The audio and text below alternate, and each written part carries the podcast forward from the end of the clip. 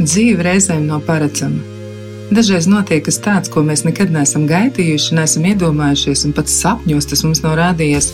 Bet tomēr tas ir kas tāds, ar ko jātiek galā, ko jāieliek savā dzīves kārtībā un par ko jāsaprot, kā ar to kopā būt, kā dzīvot, kā virzīties tālāk. Šis ir podkāsts, vai tas ir normāli? Mani sauc Kristiāna Lapiņa, un tūlīt jūs dzirdēsiet arī sarunu. Sarunu ar Reini. Reinis runās ar Katrīnu. Viņi jau tikās gada sākumā, un šī ir otrā saruna par to, kas ir mainījies. Sveiks, Reini! Sveiki! Um, nu tad šodien esam uh, satikušies, kā tikko pirms ieraksta sapratām, aptuveni gads ir riņķī, kopš mūsu pēdējās sarunas. Un, um, nu, es domāju, ka šodienas mērķis tiešām ir saprast, uh, kā tev klājas, uh, kā Kā tu jūties par šo laiku, par šo gadu, kādi varbūt bijuši notikumi? Es tad arī sākšu tieši tik vienkārši jautājumu, kā tev šobrīd iedzīvē un kā tu jūties. Nu, es negribu teikt, ka slikti, bet uh, nav pārāk labi. Nav pārāk labi. Mhm. Pastāst vairāk. Uh, grūti pateikt, patiesībā, kāpēc. Vienkārši vienmēr tāds sajūta. Es gan varu pieminēt, ka es sāku iet pie psihiatra mm. un uh, pie psihoterapijas speciāliste. Mm -hmm. Un jā, arī pie zobārsta sāku beidzot iet, labot zobus, kurus es biju atstājis novērtā, ja tā var teikt. Mm -hmm.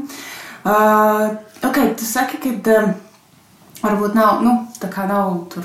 Nav ne tik labi, ir kaut kur grūti pateikt, kur varbūt ir uh, nu, tā sliktāk. Kā, kā tev pašam liekas? Nu, es saprotu, ir jau kaut kāds laiks arī, kad uh, pagājis, kad uh, nu, tev, kā tev šobrīd ir ar to redzes situāciju? Cik, cik... Uh, man varam tāpat, nedaudz sliktāk varbūt. Tāpat, jā, nu, ir kaut kāds laiks pagājis, domāju, kā tu esi adaptējies, kā, kā tu ikdienā ar to sadzīvo. Hmm, jā, es beidzot aizgāju uz rehabilitācijas centru. Mm -hmm. Beidzot izdomāju tur aiziet. Mm -hmm. Bet mhm. patiesībā dīvainā kārtā tas bija arī uh, vienkārši veiksmes gadījums. Es visu laiku domāju, ka vajadzētu aizbraukt, bet uh, atliku visu laiku. Mm -hmm. Un šeit es vienkārši tur es nokļuvu, tāpēc, ka iekāpu vienkārši nepreizajā autobusā un atapos uh, juglā. Oh. Un tad es aizgāju tāpēc. Lielākā daļa man lietu ir vispār vienkārši veiksme. Tāds uh... vienkārši sagaidīšanās. Aha, aha, aha. Un kā tev, kā tev gāja tajā rehabilitācijas centrā? Uh, labi, jā, pierakstījos uz dažādām lietām. Aha, tev jau bija tas nodarbības? Nē. Nē, nebija tādā ziņā, ka es nepierakstījos uz visām tām lietām. Jo tā jau patiesībā es eh, redzu vēl kaut ko. Mm -hmm. Vienkārši gribēju iet pie eh, kāda parunāt un tādā ziņā. Mm -hmm. Tas bija man, tā bija mana prioritāte. Mm -hmm. Bet izrādās, ka lietas nenotiek pašas no sevis un eh, pārmaiņas nenāk. Izrādās, ka ir jāpiepūlās. Mm -hmm. Man nepatīk piepūlēties. Mm -hmm. Tā kā mm -hmm. kaut kā tā. Mm -hmm. Un tu teici, jā, ka tu biji vērsies gan pie psihiatra, gan uh, psihoterapijas speciālista. Um, kā, tev, kā tev gāja ar to? Vai, jā, varbūt var par to nedaudz vairāk pastāstīt. Mm, jā, man diagnoze ir vidēji smaga depresija. Izrādās, ka tas kāds pārsteigums. Aha. Bet tas mums ir patīkami, ka man ir. Aha.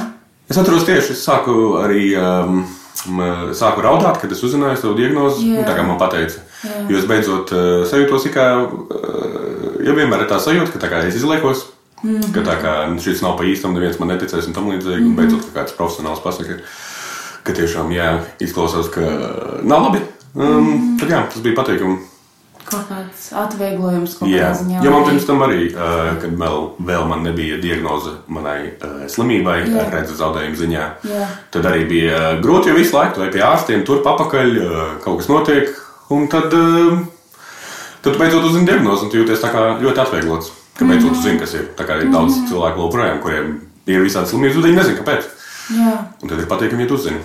Jā, jā tas, tas īstenībā dažreiz tiešām var būt tāds Uh, jā, atvieglojums un, un, un uh, nu, kaut kāda skaidrība vismaz. Un, uh, es, es bieži domāju, ka cilvēki, ja ir ilgi bijuši tādā vai nu nomāktībā, vai, vai nu, jā, depresijā, tad, to, tad ārsts var precizēt, cik spēcīgā depresijā, uh, bet nezinājuši līdz galam, kas tas ir. Uh, tas, tas noteikti ir tā nu, mulsinoši. Jā, kā teicu, tas ir varbūt es tā kā izliekos, jā, varbūt es nezinu, kaut ko tēloju, ka man ir slikti, vai tēloju, ka man ir labi, bet patiesībā jūtos slikti. Tad... Jo vienmēr ir citiem liekas, ka ir sliktāk. Man nemaz nav tik slikti tagad dzīvē. Mm -hmm. Mm -hmm. Tad vienmēr ir tā sajūta, ka jūties vainīgs, un tā vainas apziņa, un tu, tas ir tā kā spirālē aiziet uh, un tas, dziļāk un tālāk. Jā, vainas apziņa noteikti neliek labāk justies kopumā, vai ne? Tas mm kā.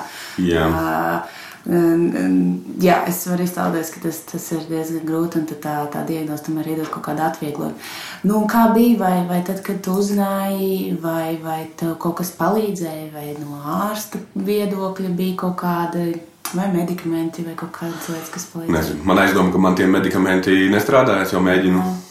trešo šoreiz, mm -hmm. bet mhm. tas ir, kā, cik es esmu dzirdējis, tas ir uh, ilgs process. Visādi dažādas izmēģināt tam līdzīgi.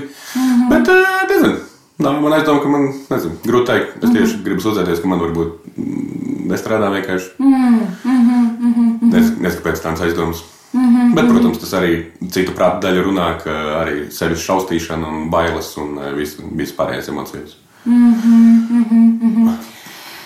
Jā, es ticu, ka tas ir, tā ir tāda liela veiksme, ja uzreiz atrodas atrast labāko medikamentu un, un dažreiz, nu, medikamenti ir kā palīdzoši, bet tas noteikti nav vienīgais, kas, kas ļauj izkāpt ārā vai mazināt depresiju. Un, un psihoterapijā vai tu, kas, kas tev tur ir palīdzējis, vai, vai ir kaut kāda? Uh, pašlaik vēl nekas daudz, vienkārši sanāk. Vispirms, uh, pirmās pāris reizes sanāk izstāstīt visu savu vēsturi mm -hmm. un tam līdzīgi, mm -hmm. savus viedokļus un uh, morālus un ko tik vēl ne. Mm -hmm. Tādā ziņā. Tāds sākums vēl terapijai. Jā. Ja? Jā, nu tad es domāju, tas paprasīs zināmu. Savu profilu uzstādīt, kā teikt. Jā, jā, jā, jā, jā. Es domāju, labi, ka tu gan dabūji kaut kādu skaidrību, gan šobrīd ir kaut kādi cilvēki, kas, nu, kas var arī palīdzēt, jo, um, nu, jebkurā gadījumā nu, depresija ir tāda vismaz menedžējama, jā, ja ne, ne visos gadījumos vienmēr pilnībā, pilnībā izārstējama, bet tad diezgan tomēr tāda menedžējama lieta. Un, un es ļoti ceru, ka uh, varēsi turpināt to terapiju un, un arī, ka zāles atradīs tās labākās. Jā. Um, kā šobrīd paiet tava ikdiena? Kā, kam tu velti laiku? Ko tu parasti ikdienā dari? Hmm, man patīk pastaigāties vēl projām, mm -hmm. uh, klausīties jaunāko mūziku. Mm -hmm. Sastādu gada albumu topu. Pašlaik ir 89, vēl mm -hmm. tikai 11. Un, um, jā, kaut kā tā, neko izdaudz nedaru. Uh, meklēju, ko darīt, ja tā var teikt. Sakiet, -hmm. ja kāds zina, lūdzu, piezvaniet man. Ja es varu kaut ko darīt. Kāds grib dzirdēt, man liels balss runāja par visādām dažādām interesantām tēmām. Aha, ah, tu būtu gatavs kaut ko no, protams, protams, jā, jo man būs arī. Es negribu teikt, bet raidieraksts arī varētu būt man. Kā... Oh, super, super, tev ir radusies ideja, forši, forši. Ah. Bet jūs zināt, kā saka, visādas idejas, bet galvenais viņas realizēt. Kuram katram visiem ir idejas idejas filmām, idejas scenārijiem, mm -hmm, bet mm -hmm. uh, ideja viena pati neko daudz nenozīmē. Mm -hmm, mm -hmm. Nu, ar kaut ko jāsāk, vai ne? Kaut kāds pirmais solis. Uh, forši, forši, kad ir kaut kādas intereses. Jā, mēs jau uh, klausītāji to nezinu. Mēs tikko braucām liftā augšā un uh, Reins teica, uh, kāds laiks, un es skaļi nopūtos kā briesmīgs. Un Reins teica, nē, superīgs ārā, ārā līst, un ir svaigs gaiss, un ir rudens. Jo man šajā vasarā nepatika, ka bija ļoti mm -hmm. smacīgs un mm -hmm. spiedīgs gaiss. Mm -hmm, mm -hmm. Kā ir, kā šī brīža, nu, nav no noslēpums, mēs visi esam šajā Covid situācijā un ierobežojumos. Kā tu ar to sadzīvo, vai tu tos kaut kā izjūti? Kā, kā tev ir? Nu, labi, šo ir dīvaini teikt, bet patiesībā mājasēdes laikā es jūtos labāk, jo ir mazāk iespējas eh, visādas lietas darīt apkārt, piemēram, Jo man vienmēr pirms tam ir eh, stress, kad ir vairākas izvēles iespējas darīt. Aha. Eh, tas, kā angļuiski saka, FOMO, kad Jā. ir bailes palaist kaut ko garām. Un, tad ir, jo ir vairāk izvēles iespējas, jo vairāk jūtos stresā. Bet šajā situācijā maisēdē nav ko darīt. Mājās vienkārši var sēdēt, pastaigāties, izvēlēties, protams, ko skatīties mājās, vai arī klausīties šajā mm -hmm. gadījumā. Mm -hmm. Tā kā jā, mm -hmm. maisēde man patiesībā tieši uzlabo garīgo, ja tā var teikt. Kopējo pašsajūtu, jā. jā nav tāds spiediens sajūta visu kaut kur paspēt, jā, vai visu jā. kaut ko izdarīt. Aha, aha. Citu, jā, es, man ir klienti, ar kuriem runājot, viņiem ir līdzīga sajūta, ka nu, tā dzīve patiesībā tik ātri skrien un ir tik daudz visādu opciju un variantu, ka dažreiz, nu, kā piespiedu kārtā mums ir jābūt mājās, šis, šis gan nav labākais iemesls, kāpēc tas ir piespiedu kārtā. Nu, kad var mazliet arī izelpot, un, un, un ir kaut kāds laiks arī sev un, un tām lietām, ko gribas darīt mājās. Vai vismaz nav tā sajūta, ka es kaut ko palaidu garām, jo vienkārši mm, nekas Jā. nenotiek, ne? Jā, bet. Um, Tu teici, jā, angļuiski tas fear of missing out, ja bailes kaut ko palaist garām. Um, kas ir tās lietas, kur tev liekas, ka tu varētu palaist garām vai nepaspēt? Kad, kad tev rodas šīs sajūta, šīs, šīs bailes? Patiesībā, interesantā kārtā, manuprāt, nav tāda daudz pasākumu vai kaut kā tamlīdzīga. Bet vienkārši tas viss fakts, ka ir opcijas, ka ir opcijas, ko darīt. Mm -hmm. Bet es tāpat, piemēram, sēžu mājās, bet nu, ne obligāti vienmēr. Bet eh, šajā gadījumā man ir iemesls, kāpēc to darīt. Mm -hmm, mm -hmm. Nu jā, tad, kad, tad, kad nebija tā tad saka, jā, ir daudz opciju. Uh, nav tā, ka beigās varbūt pat kaut ko izvēlēsies, ja, bet tā, mm. tā trauksme kaut kur nepamet. Es gribu teikt, tā ir tāda trauksme, jā, jā varbūt pat kaut kāda. Nebūtu no tā, ka sociālajā mēdī, piemēram, palīdz arī. Jā. Kad redz visādus, cik eh, citiem baigi jautri iet, kamēr, nezinu, es nevaru atrast, ko satikt vai kā tādu. Jā, jā tas, tas, tā, tas varētu būt. Mēs visi esam vienā, kā teikt, nezinu, katlā. katlā jā. jā, jā, jā. Un, un, nu, kā varbūt pakavējamies pie tās trauksmes. Es domāju, tā ir tāda tēma, kas daudziem patiesībā ir aktuāla. Nu, kad, Nu, tad ir īpaši tagad, kad ik pa brīdim mums ir daudz ierobežojumu, mēs neko nevaram. Tad ir bijuši tie periodi, kad mēs atkal kaut ko varam. Un tad uh, viss kaut kas sāk notikt, un, un, uh, tiešām var rasties tāda sajūta, ka mēs varam kaut ko pazaudēt. Bet skatos, nu, kas ir tas, ko mēs varam pazaudēt, nepaspēt. Tas, jā, missing out angliski. Mm -hmm. ka, ka, kas ir tas tev? Ko tev ir bažas pazaudēt? Šobrīd dzīvē. Man vienmēr sajūta, ka gribētos apstādināt laiku. Mm -hmm. Dažreiz šķiet, ka tas laiks iet pārāk ātri, un mm -hmm. tad gribās vienkārši lēnāk, lai viņš iet. Mm -hmm. Bet viņš tāpat iet vienmēr vienā un tajā pašā laikā. Nu, es zinu, ka es to teicu pirms tam arī. Yeah. Yeah. Bet um, kaut kā tā, es nezinu, varbūt tev ir idejas. Mm -hmm. um, ne, nu, tāda mana fantāzija ir, kad. Uh, nu, nu kā, ka ir kaut kāda pieņēmuma, jo es nezinu, vairāk būšu kaut ko redzējis, dzirdējis, paspējis, kad, nu, kad tad, nu, tad kā es esmu tāds pats kā citi, nu, kā teica, mm. tie sociālai tīkli, jā, tie mēdī, kas rāda, kur ir nezinu, cilvēki, kas iet uz koncertiem, teātriem un, un vēl kaut ko, jā, un kad ārpēc es tur neesmu bijis, tad es. Es nezinu, varbūt es nespēju menedžēt savu laiku, jā, vai es tur nezinu, nespēju saplānot kaut ko. Vai es... arī sajūta, ka man ir slikts raksturs. Neviens ar mani negrib uh, tikties. Aha, pastāstiet, tas ir Tas ir tas, kas ar tevi notiek. Ja? Jā, es pieņemu, tādas varētu būt bailes. Par to es arī mēdzu iedomāties. Aha, ka cilvēkiem vienkārši ir grūti ar mani, un tāpēc, mm -hmm, tāpēc viņi izvēlas nezinu, neuzaicināt, neiet ar mani kopā. Un... Jā. Aha, aha. Kas tev par to liek domāt, ka tā ir? Vienkārši sajūta. sajūta. Jā, jā. Uh, es parasti. Man īsti nav pierādījumi, ja tas ir tas, ko tu gribi. jā, jā, jā, jā, jā. Tas ir laikam klasisks KBT terapeita gājiens būtu, vai ir kaut kas, kas to pierāda un kas to apgāž. Jā. Bet tāda sajūta pārņem. Um, vai tev, tev ir. Uh, Jā, es varbūt tā atkārtošos, bet vai tev tomēr ir ideja, nu, kas, kas to sajūtu uztur un rada, vai ir kaut kāds tāds bijušas negatīvs pieredzes, ka cilvēki uh, nu, noraida, negrib ar tevi tikties, vai tā arī pasaka, ka nē, es. es nē, viņi nav tā teikuši. Mm -hmm, mm -hmm, mm -hmm. Plus cilvēki mūsdienās ir pieklājīgi. Lai gan, manuprāt, tieši otrādi mūsdienās viņi ir pieklājīgi tajā ziņā, tā, pieklājīgāki tajā ziņā, ka viņi nemelo. Man šķiet, vismaz tā. Mm, Pēc mana drauga loka. Noteikti ir dažādi. Um, jā. Nu, viņi ir gatavi arī pateikt, nav tā, kā lieki runā vai arī izliekās. Vienkārši pasakā, jā, šodien nejūt enerģiju, nevis laikā. Nu, man tur kaut kas neļauj, vai arī es nevaru. Man jātiek mājā. Nu, mm -hmm. šķiet mm -hmm. godīgāk pateikt. Un mm -hmm. otrs cilvēks arī saprot. Mm -hmm. Bet kas, kas varētu būt tas, kas tev rada to sajūtu, kad, uh, nu, cilvēki varētu nezinu, negribēt tieši ar tevi kaut kur doties?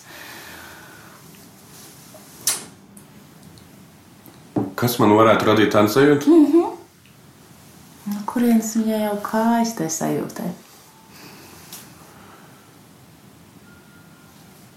No manas mazvērtības sajūtas. Mm. Mm -hmm, mm -hmm. Uh, No, arī tas, ka varbūt man ir sajūta vienmēr, ka esmu to pelnījis. Nu, tur ir tā vienmēr tā sliktā sajūta, ka esmu kaut ko pelnījis vai attiecīgi neesmu pelnījis. Kas ir arī līdzīgi ar to vainas sajūtu, vienmēr sajūta kopā. Tad jūtas vainīgs par to. Dažreiz sanāk, cilvēki vispār domā bieži vien tā kā, nu, nevis tā maģiskā domāšana, bet vienkārši šito esmu pelnījis, to es neesmu pelnījis. Lai gan patiesībā viss ir vienkārši izdomāts. Neviens neko nav pelnījis, neviens neko nav nepelnījis. Jā, jā, jā. Pelnīšana vispār ļoti tāda abstrakta lieta. Jā. Ok, tu piemini to mazvērtības sajūtu, to vai es esmu vai es neesmu pelnījis.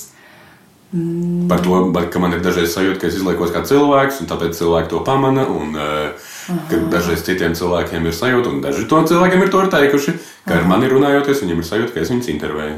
aha, Kas man ir? uh, Hei, aha, es vienkārši varbūt esmu labs sarunu biedrs. aha, aha, vai ļoti interesēts.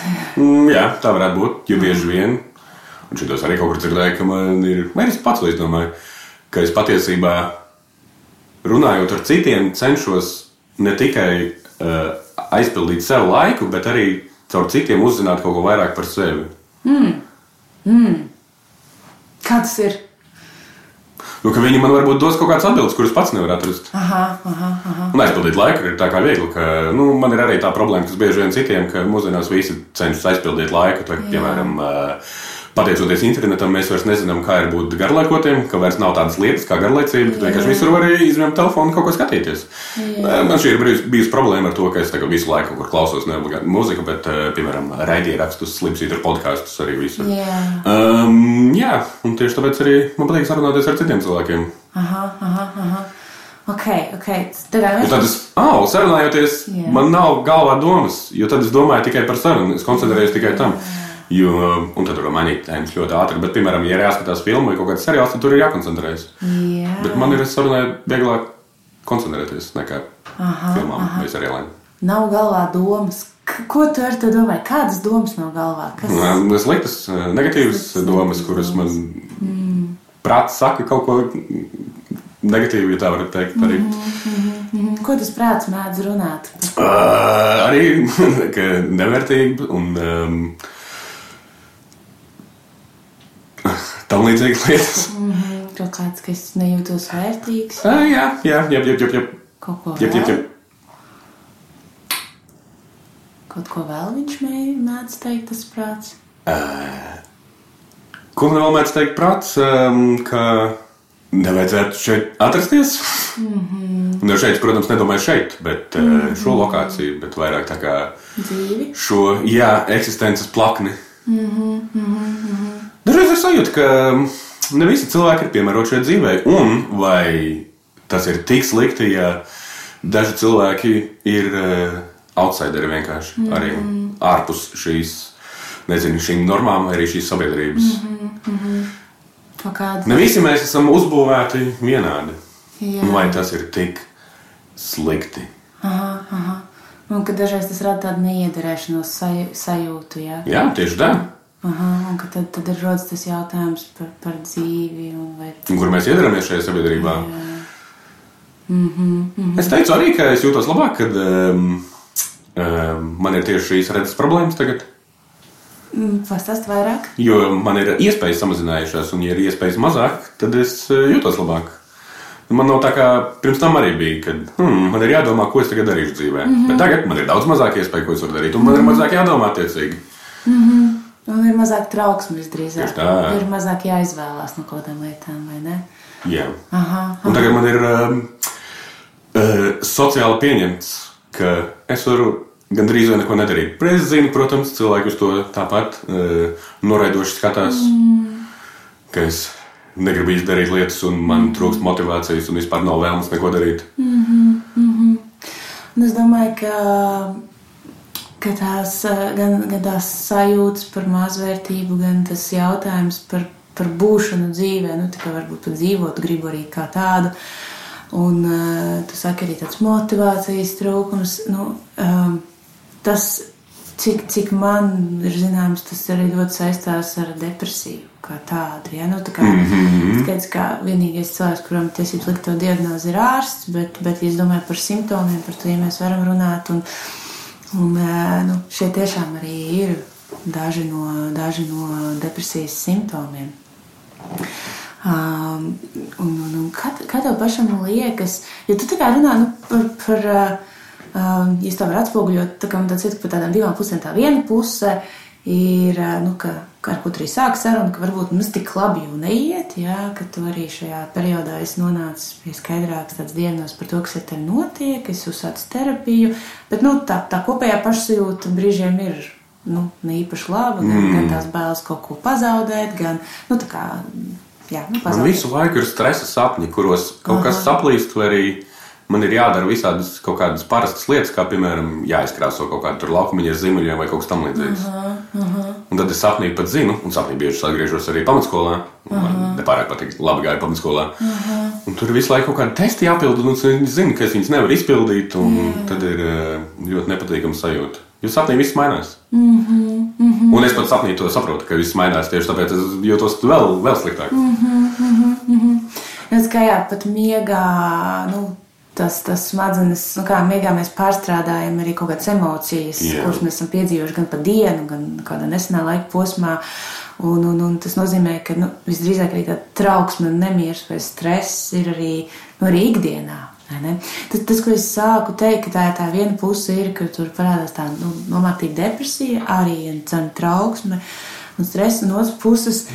Tu tikko arī minēji, ka ir kaut kāds atvieglojums tam, tam ka ir šīs redzes problēmas, un ka tas varbūt atļauj arī kaut ko nedarīt, kaut ko, nu, kas varbūt iepriekš, mm -hmm. nu, ko nezinu, sabiedrība piespieda, nu, pēdiņās liekam, ja, bet, nu, tā kā, nezinu, sabiedrība prasības, kādi pierād, pieredzes uh, dzīvē, nu, piespiedu. Nezinu, kas man Kā tagad populāri teikt, noliku uz ceļiem, liku uz ceļiem, jā. Jā, jā, jā. Nu, kad, tas, tas varbūt dažreiz tā, tā traki skan, bet, nu, arī kaut kādām grūtībām mēdz būt kaut kāds iegūms? Nu, mm, jā.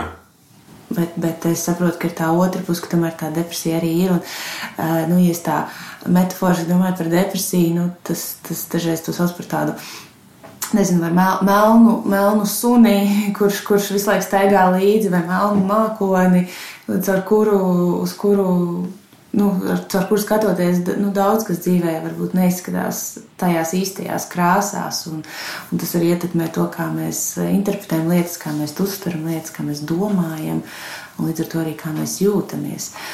Un, vai, vai tu esi pamanījis, vai ir kaut kas tāds, kas ka, nu, kad tu jūties labāk, kas tev palīdz justies nedaudz labāk, pat ja fonā ir tā depresija dienā.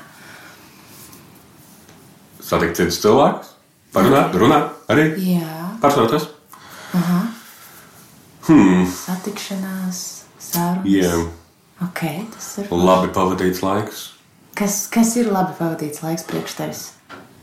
Laiskošanās vasarā? Viņš laukās, nezinu, aha. arī, kad citi arī, nezinu, atvaļinājumā arī nedara lietas vienkārši. Aha, kad beidzot drīkst atpūsties. Aha, aha. Aha, ok, atpūta, tad laiskošanās, sarunas ar cilvēkiem, kaut kas, kas vai tas īsti vēl kaut kas palīdz? Mm, pašlaik nekas cits nenāk prātā. Mhm, mhm, mhm, mhm. Uh, Okay, okay. Lai gan jā, man patiesībā pietrūkst tās lietas, kuras man pietrūkst. Man ļoti patika braukt ar velospēdu. To es nevaru. Jā. Patīk dzirdēt karaoke. To es nevaru. Skatīties zvaigznes. Jā. To es arī nevaru. Tam līdzīgas lietas. Aha, aha.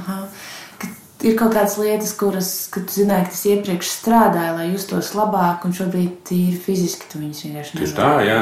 Mm -hmm, mm -hmm. Mm -hmm. Lai viņi aizdomā kaut ko jaunu, ko darīt. Mm -hmm. Es domāju, kā varētu aizvietot skatīšanos zvaigznēs. Vai zvaigznēs grūti klausīties, gan jau. mm, jā. es nevaru tā dzirdēt. Man nāk prātā, tas, tas varbūt nav tā baigi pa tēmu, bet man nāk prātā viena kolēģi ir, kas saka, ka viņi pirms miega klausās uh, kāda kosmosa zinātnieka stāstus par zvaigznājiem, ka tas viņu palīdz ļoti iemidzināt. bet uh, tas noteikti nav tas pats, kas skatīties zvaigznēs. Mm -hmm, mm -hmm. Nu, jā, kad es domāju, nu, tas, tas ir, domāju, katram ir skaidrs, ka, ja mums atņem kādu no maņām dzīve, nu, mums arī atņem kaut kādas lietas, kas, ko tā maņa deva. Nu, Tavā gadījumā, jā, kaut kādas patīkamas lietas, kas, kas tev iepriecināja, vai vismaz lika labāk justies. Un, un, un tad tas lielais jautājums ir, jā, vai mēs, vai mēs atrodas, veidi, atrodas veidi, kā pielāgoties un aizvietot, un, un varbūt ok, es, es nevaru darīt to, kas man patika pirms tam, ko es varu darīt tā vietā. Es dzirdēju, ka tu daudz klausies mūziku, podkāstus, vai tie dažreiz kaut kā palīdz labāk justies? Jā, man tikko es nesen dzirdēju vienu baigi labo albumu, un tad es tieši um, tajā mirklī, kā, kad ir tas, zini, tas, ka dažreiz tu no pirmajām divām vai trijām dziesmām saproti, ka okay, šis albums man jau ļoti patīk. Mm. Tagad es zinu. Mm -hmm. Un tas bija tieši tur, tas bija tas klikšķis, un tad, uh, tas bija tas, kā nāca pāri atskārsmi, ka lūk, šis ir, kāpēc es klausos visu laiku non-stop, praktiski mm -hmm. non-stop, um, jaunākos albumus mm -hmm. šī gada. Mm -hmm. Vienkārši daudz mūziku, mm -hmm. meklēju kaut ko. Bet to vajadzētu arī. Es publicēšu, protams, vēlāk. Šogad. Mm -hmm. Nešaubīgi. Visdrīzāk, cerams. varbūt, varbūt arī nē, un tad jutīšos vēl sliktāk. Bet kas to līdzīgi? Citreiz mums ļoti palīdz, ka mēs esam kaut ko skaļi pateikuši, un to mm. kāds vēl ir dzirdējis. Jā, un ja mēs vēl zinām, ka šis kaut kad tiks arī publiskots kā ieraksts, tas dažreiz palīdz mums tāda ārējā motivācija kaut kādas lietas novest līdz galam. Es gan esmu dzirdējis, piemēram, ja cilvēki mēģina nomest svaru. Un tad viņi tā kā pasaka, ok, šodien es tur kaut ko mēģināšu. Un tieši man, cik esmu dzirdējis, ka nevajag teikt tādā gadījumā, jo tad cilvēki jūtas vēl sliktāk. Nu, tā kā apsolīt mm. citiem, ka vajag ļaut to. Mm -hmm. Ļaut to vienkārši notiek, ka nevajag to nepierādīt nevis citiem, bet kā pats sev. Varbūt arī nē, kas lezina. Mm -hmm. uh. Es ka tas atkarīgs no situācijas. Dažreiz cilvēki uzliek uzreiz ārkārtīgi augstu mērķi, kuru vienkārši nav iespējams izpildīt ne dienā, ne divās, ne varbūt pat ne mēnesī un vairāk. Bet nu, tā, tā saka, ja mēs kā ar kādu padalāmies ar uh, savu ideju vai mērķi, vai publiski to pasakām, tas dažreiz tomēr arī palīdz uh, kaut ko sasniegt, jo ir tas, nu, tāda atbildības sajūta, jā, ka es skaļi pateicu. Un, un, jā. Bet, protams, ja tas ir tāds realistisks mērķis, ja viņš ir tāds nereāls, tad, tad, uh, tad uh, neizbēgami var gadīties, ka neizdodas viņu piepildīt. Mm, yeah.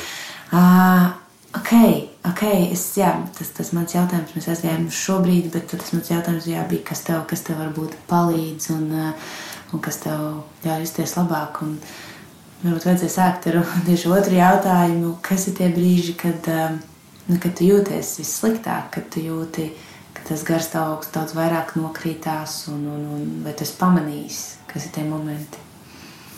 Hmm, nē.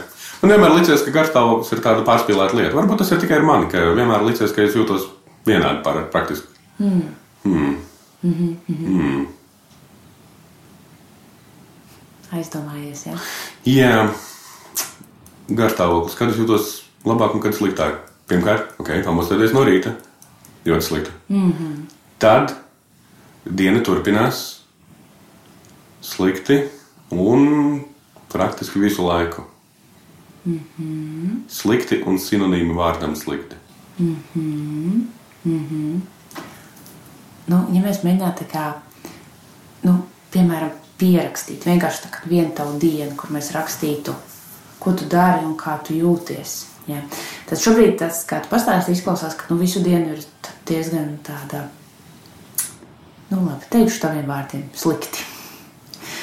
Uh, bet, ja tajā dienā ienāk kāda no tām lietām, uh, par kurām teica, ka tu jūties labāk, pieņemsim sarunu ar kādu cilvēku, vai tur ir jauns foršs albums, kas atklāts, jā, vai kāda, tu teici, ka tu pastaigās, ej, vai tad, ja mēs rakstītu, vai mēs dotu, vā, nu, ja mēs vērtētu, vai mēs varētu iedot augstāku balļu vērtējumu. Nu, piemēram, slikti ir, nezinu, no 0 līdz 10, cik, cik priekš tevis ir slikti, cik balvas. Nu, tā kā jo augstāks, jo labāks, jo zemāks, jo sliktāks.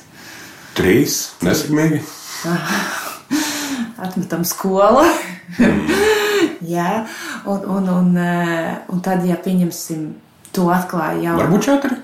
Okay. Tagad esmu pārliecināts. Nu, jā, nu, tas noteikti var, var mainīties. Jā, bet nu, tas būtu vairāk tāds trīnieks, četrnieks. Jā, ja tā mēs mēģinām balēs novērtēt, un tajā brīdī, kad tu, piemēram, bet es domāju, vienkārši tu esi pamanījis, ka tajā brīdī tu dari tās lietas, eh, kas tev patīk, vai tev sanāk ar kādu parunāties, vai tur tas garstāvoklis pakāpjas, vai ja tu liktu vērtējumu, tad tu liktu kaut kādu citu vērtējumu. Jā. Mm -hmm. uh, šis dažreiz ir baigi vērtīgi kā, pavērot vienkārši pa, kaut vai pa dienu, kā tas garstāvoklis staigā.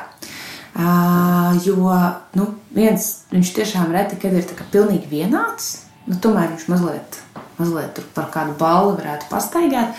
Un tādā, tādā veidā dažreiz nu, pat vai pierakstot, vai nu, pierakstot, pierakstot ir vislabāk, bet vai nezinu, ierakstot ar vārdiem diktafonā, mēs varam pamanīt, kas.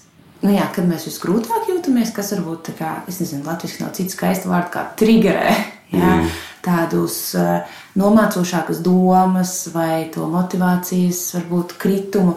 Un tad mēs varam arī pamanīt, kas atkal mūs aktivizē vai kas mums palīdz justies labāk. Un, un tā vienkāršā atbilde uh, ir, ka, nu, ja mēs atrodam, kas strādā, nu, tad tas mūsu ikdienā ir gana bieži. Jā, vai gan regulāri tās lietas, kas mums liek kaut nedaudz labāk justies. Te nav runa par nenormālu laimes izjūtu vai, vai kaut kādu eifóriju. Tas ir par to, kas mums palīdz iekustēties, um, rast dienai kaut kādu struktūru, nedaudz iepriecina vai senāk ir iepriecinājis. Uh, nu, tas ir viens veids, kā mēs sev varam palīdzēt. Tad, kad ir depresija, ir mēģināt tajā dienā ielikt un ieplānot tās lietas, kas kaut nedaudz, nedaudz liek mums justies labāk. Kaut vai vienu mazu lietu, ko nav grūti darīt, bet mēs zinām, ka tas nu, vismaz senāk ir strādājis. Tas, protams, ne, ne, neizārsties un neatrisinās visu, bet uh, tas ir tāds mehānisms, kā mēs varam sevi nedaudz aktivizēt. Un, ja mēs domājam par depresiju, tad tā aktivizēšana ir baigi, baigi svarīga, jo depresijas tendence ir mūs, mums atņemt enerģiju, justies jā, nogurušiem. Nemotot. Tā ir. Es jūtos noguris. Mm -hmm. Letārģisks pat varētu teikt. Mm -hmm. Mm -hmm. Mm -hmm. Kad es pamodos, kad es pamostos, es jūtos noguris, un kad es aizgulēju, jūtos noguris. Mm -hmm. Mm -hmm. Es kāpēc ar vienmēr ir dīvaini sajūta kājās. Un man ir dažreiz sajūta, kad es paskatos uz savām rokām, un es domāju, wow, cik viņas ir nogurušas, un viņas praktiski neko nespēja izdarīt. Tad es jūtos, protams, vainīgs. Mm -hmm. Jā, tad būtu ļoti, ļoti svarīgi saprast, ka um, depresija patiešām ir saslimšana. Un, eh, nu, un, eh, nu, es nezinu, kā, kā paralēli var likt, nu, ja man sāp zobs. Nu, Es jau īsti neesmu vainīgs pie tām zobu sāpēm. Nu, tā, tur kaut kas ir noticis. Ja nu vienīgi es esmu vainīgs, jo es nerūpējos par zobiem. Labi, paņemsim kādu citu piemēru. uh, nu, es vienkārši domāju, ja mēs salīdzinām ar fiziskajām saslimšanām, nu, tad, kad. Paklazarni.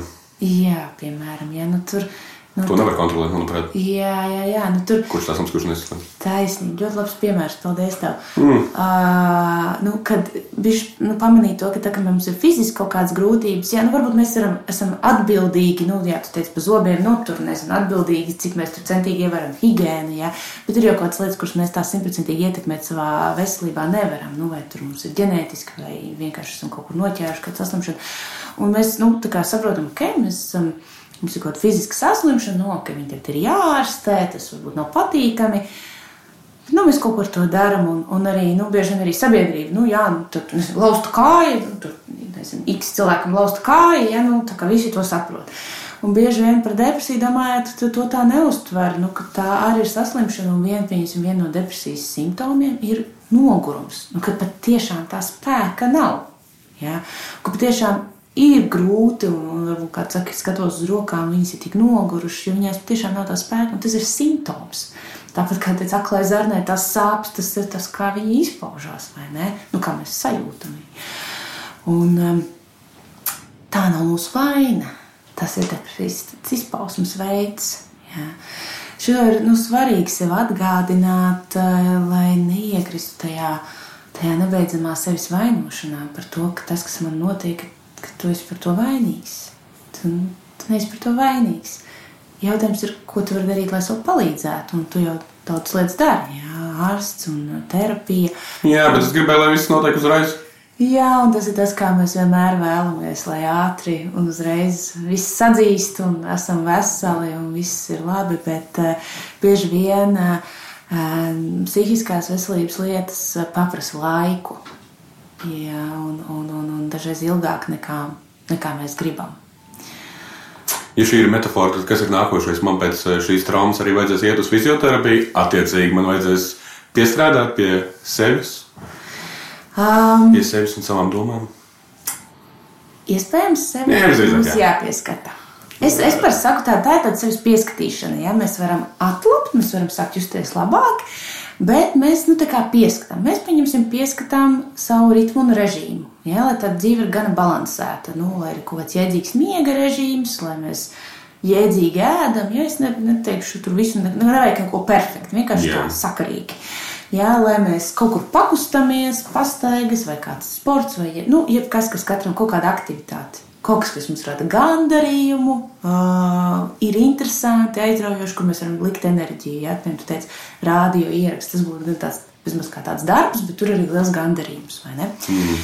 Un ja mēs kā tajā dzīvē to visu, nu, menedžējam, pieskatām, un ja nu nekādas citas lielas krīzes nenotiek, tad tie parasti ir tādi aizsargājoši faktori. Arī, arī zin, attiecības, nu, kā uzturēt sociālas attiecības, tiem nav jābūt miljonus draugiem. Bet man gribas miljonus draugus. Tas, tas noteikti ir forši. Jautājums ir, cik, cik, to ir iespējams realizēt. Jā.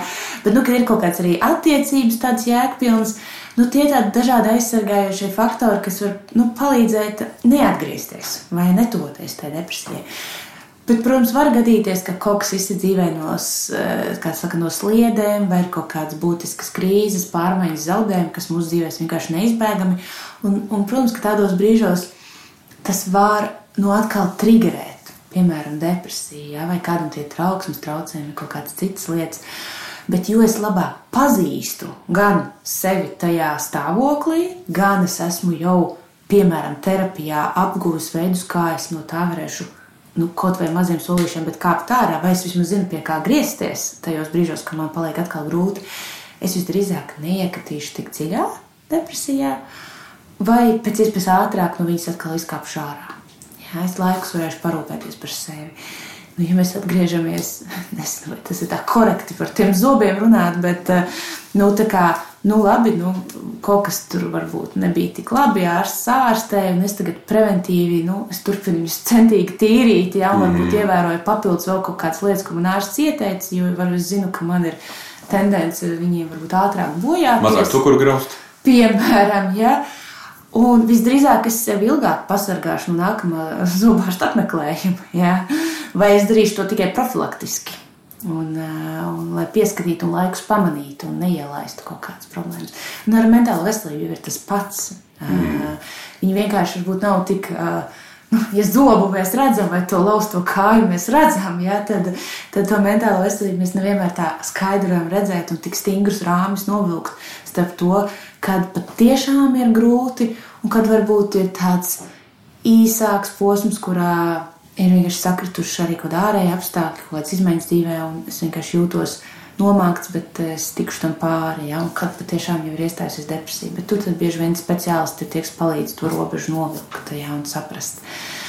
Un, un, un liels rādītājs arī ir tiešām tā, kā es pats jūtos un cik es ilgi tā jūtos. Ja? Mm. Es tev nemaz nepajautāju, kad tev pašam liekas, cik, cik ilgi tev jau ir tādas depresijas. Nu, es teiktu, vismaz 15 gadus. Oh, tas ir ilgs laiks. Jā. Okay. Un tu kaut kā esi ar šo visu tomēr. um, Tu tomēr esi šeit un tagad. Mm, jā. jā. Es domāju, kas ir, kas ir tie nu, mehānismi, kas tomēr ir palīdzējuši, nu, kurīgi sakot, turēties virs ūdens. Jā, Pārsvarā veiksmi vienkārši nezinu. Man ir aizdomā, patiesībā, ja kaut kas būtu noticis citādāk, tad varbūt kaut kādas citas lietas tas varbūt nebūtu šeit, bet eh, grūti teikt. Tā ir vienkārši minēšana, nezinu. Mhm, Daudz vienkārši palicies. jā. Nu, jā, varbūt tas nav tāds uzreiz atbildams jautājums, bet uh, par to noteikti var aizdomāties. Uh, Kas tad ir tie mani resursi? Ja? Ne tikai varbūt šobrīd, nu, ja es to jautāju, kas tev šobrīd liek justies labāk, bet kas arī pa dzīvi ir mani resursi. Nu, tā kā pat, ja man tās depresijas pazīmes jau ir kaut kādu ilgāku laiku, un iespējams, kaut kādos brīžos viņas ir atkal bijušas smagākas, tad viņas ir atkal bijušas vieglākas. Kaut kas ir palīdzējis turpināt dzīvot. Uh, jā, Jā. Es, es neprasu, lai tu pasaki, Laikam jau? jā. nu, acīm redzot, lai Jā, jā, jā. Es tāpēc saku, es neprasu, neprasu tev atbildēt tieši kas. Tas ir varbūt tāds, par ko padomāt kādā brīdī. Jā. Kas tad, kas tad man. eh, Kas tad man liek tomēr turpināt to dzīvi, neskatoties uz dažādiem izaicinājumiem? Mm. Tas paliek gaisā jau tāds. uh, nu, tā kaut kā. Um, varbūt tev pašam ir kaut kas piebilstams, vai varbūt tu vari padalīties, kā tu jūties. Kaut ko noteikti gribi vēl pateikt. Nu, es gribēju teikt, ka to man ir, varbūt šo arī pieminēju iepriekšējā epizodē, bet uh, to, ka man ir bieži vien sajūta, ka ir kaut kādas duālās smadzenes, duālais prāts, ka esmu reizē labākais un sliktākais cilvēks. Mm. Mm -hmm. Labāks par citiem, bet arī sliktāks par citiem. Mm -hmm. Un kas atkal liek justies nedaudz vainīgi. Mm -hmm. Mm -hmm. Bet varbūt tā ar visiem. Varbūt arī ne. Mm. Jūs negribat teikt, bet man arī esmu dzirdējis, ka man ir nedaudz narcistiskas iezīmes, varbūt. Mm. Bet ko darīt? Mm -hmm, mm -hmm. Ko darīt, ja jūs esat tik lielisks? nu, Ziniet, kā varbūt nu, viens tas, ka mēs varam vienlīdz domāt, ka kaut kur esam ļoti labi un kaut kur esam netik labi, tas nu, tā, tā mums prāts vienkārši spēj, spēj, spēj domāt un mētāties no vienas galības uz otru. Um, Un var jābūt dažreiz arī tas ir resurs, tāda ticība savām spējām vai, vai pārliecība par sevi, un varbūt dažreiz tas arī ir palīdzējis. Man, man, man tā grūti varbūt šo komentēt vai atbildēt, kas tur ir, un tiešām tā nevarēšu to viennozīmīgi pateikt. Bet es, es kaut kur arī nebrīnos. Man liekas, mums katram ir sajūta par kaut kādām savām divām pusēm. Mm, citreiz, citreiz to sauc par kaut kādu nezinu, izmanto kā ēnas pusi vai mm. tumšo pusi. Nu, es nezinu, tur katrs cilvēks atrod savu veidu, kā viņš raksturo. Bet, kā man liekas, nu, ne tikai psiholoģijā, bet arī nu, daudzās tādās, nezinu, gan, gan reliģijā, gan filozofijā. Nu, runājot par to balansu, lai būtu balanss, ir jābūt nu, abām pusēm. Nu, kā, uh, Neviens nav tikai balts, neviens nav tikai melns. Jā, mums, mums visos ir gan, gan kaut kādas tādas nu, labākas iezīmes, vai varbūt tādas palīdzošākas, gan īpašības, gan, gan prasmes, gan, nu, jā, gan tās personības iezīmes, gan varbūt arī kaut kādas tādas, ar kurām mums ir nu, jāmācās sadzīvot, kuras ir dažreiz jāapvalda, jāizprot. Ka mūsos jau visos ir gan labais, gan netik labais. Tāda ir tā cilvēka daba. Mērķis ir iemācīties ar to sadzīvot un, un atrast veidu, kā dzīvot pēc iespējas kvalitatīvāku dzīvi. Jā, piekrītu. Mm. Mm -hmm. Kad jūties šobrīd? Ir ok. Ir ok. okay. Uh, nu, labi, es, es teikšu tev paldies par šo sarunu. Paldies par tādu, tādu atklātību, gan par to, kā tu jūties, gan par to, kā tev iet. Un, kas to zina, varbūt šī saruna kaut kad turpināsies. Paldies! Tev. Man ir pamatots aizdoms, ka visdrīzāk jā, turpināsies jā, pēc gada. Bet, jā, jauka saruna! Paldies! Nu ir mana kārta aprunāties ar Reinu un apvaicāties, kā viņš jutās sarunā ar Katrīnu, kā viņš jūtas vispār un kas ir tas, ko viņš domā par dzīvi šobrīd. Man prieks tevi satikt. Mēs atrodamies šobrīd radio studijā. Reinis ir atnācis uz radio. Un, uh, mans jautājums bija Reinim, uh, nu, zinot arī visu to kontekstu, ka tas bija kaut kas, kas ir saistīts arī ar to tavu redzes uh, situāciju un uh, redzes. Uh, problēmām. Varbūt tu vari pateikt, kas tieši tas ir. Jo mēs, nu, kā saka, aizkadrā mazliet par to parunājām. Tu teici, ka tāda problēma ir tikai diviem, trim cilvēkiem vispār gadā, nu, to atklāja Latvijā. Kas tas tieši ir? Pasaka vēlreiz. Tā ir um, reta gēnu slimība, saucās Lebera pārmantotā optiskā neiropātija. Man ir uh, problēma nav gluži ar acīm, bet problēma tieši ir ar acu nervu. Tas nozīmē, ka nervs uh, nesūta to signālu, acis tev uztver, bet uh, smadzenes nesaprot, ko tu redzi. Varbūt nu, tā vienkārši uh, jā. jā. Jā, Kamēr tā kaut kā. Tagad tikai divi, trīs cilvēki vispār gadā. Tas nozīmē, ka tā ir ļoti, jā, ļoti tā ir pēdējā informācija, ko esmu dzirdējis. Varbūt kaut kas ir mainījies. Jā, bet tu vēl arī teici vienu lietu, cik tad eh, varētu izmaksāt kopumā ārstēšana, cik pasaulē vispār tas maksā šobrīd cilvēkiem? Es nezinu, vai viņu īsti var ārstēt, bet pēdējais, ko es esmu dzirdējis, ka bija 400 tūkstoši eiro. 400 tūkstoši. Nu, tas ir, tātad tas ir, nu, kaut kas, kas ir Jā, vērsts. Jā, var ārstēt, protams. Jā, nu, kaut kas, kas ir vērsts uz to procesu ietekmēšanu. Droši vien tie rezultāti varētu būt atšķirīgi, bet nu, droši vien tas palīdz tā vai citādi. Ja ir zināms, ka tas ir un ka tas notiek, un ārstēšana nu, tāda. Eh, ar, ar, ar tādiem vai, vai citiem panākumiem, bet nu, tomēr ir, tad eh, arī to mums ir vērts paturēt prātā.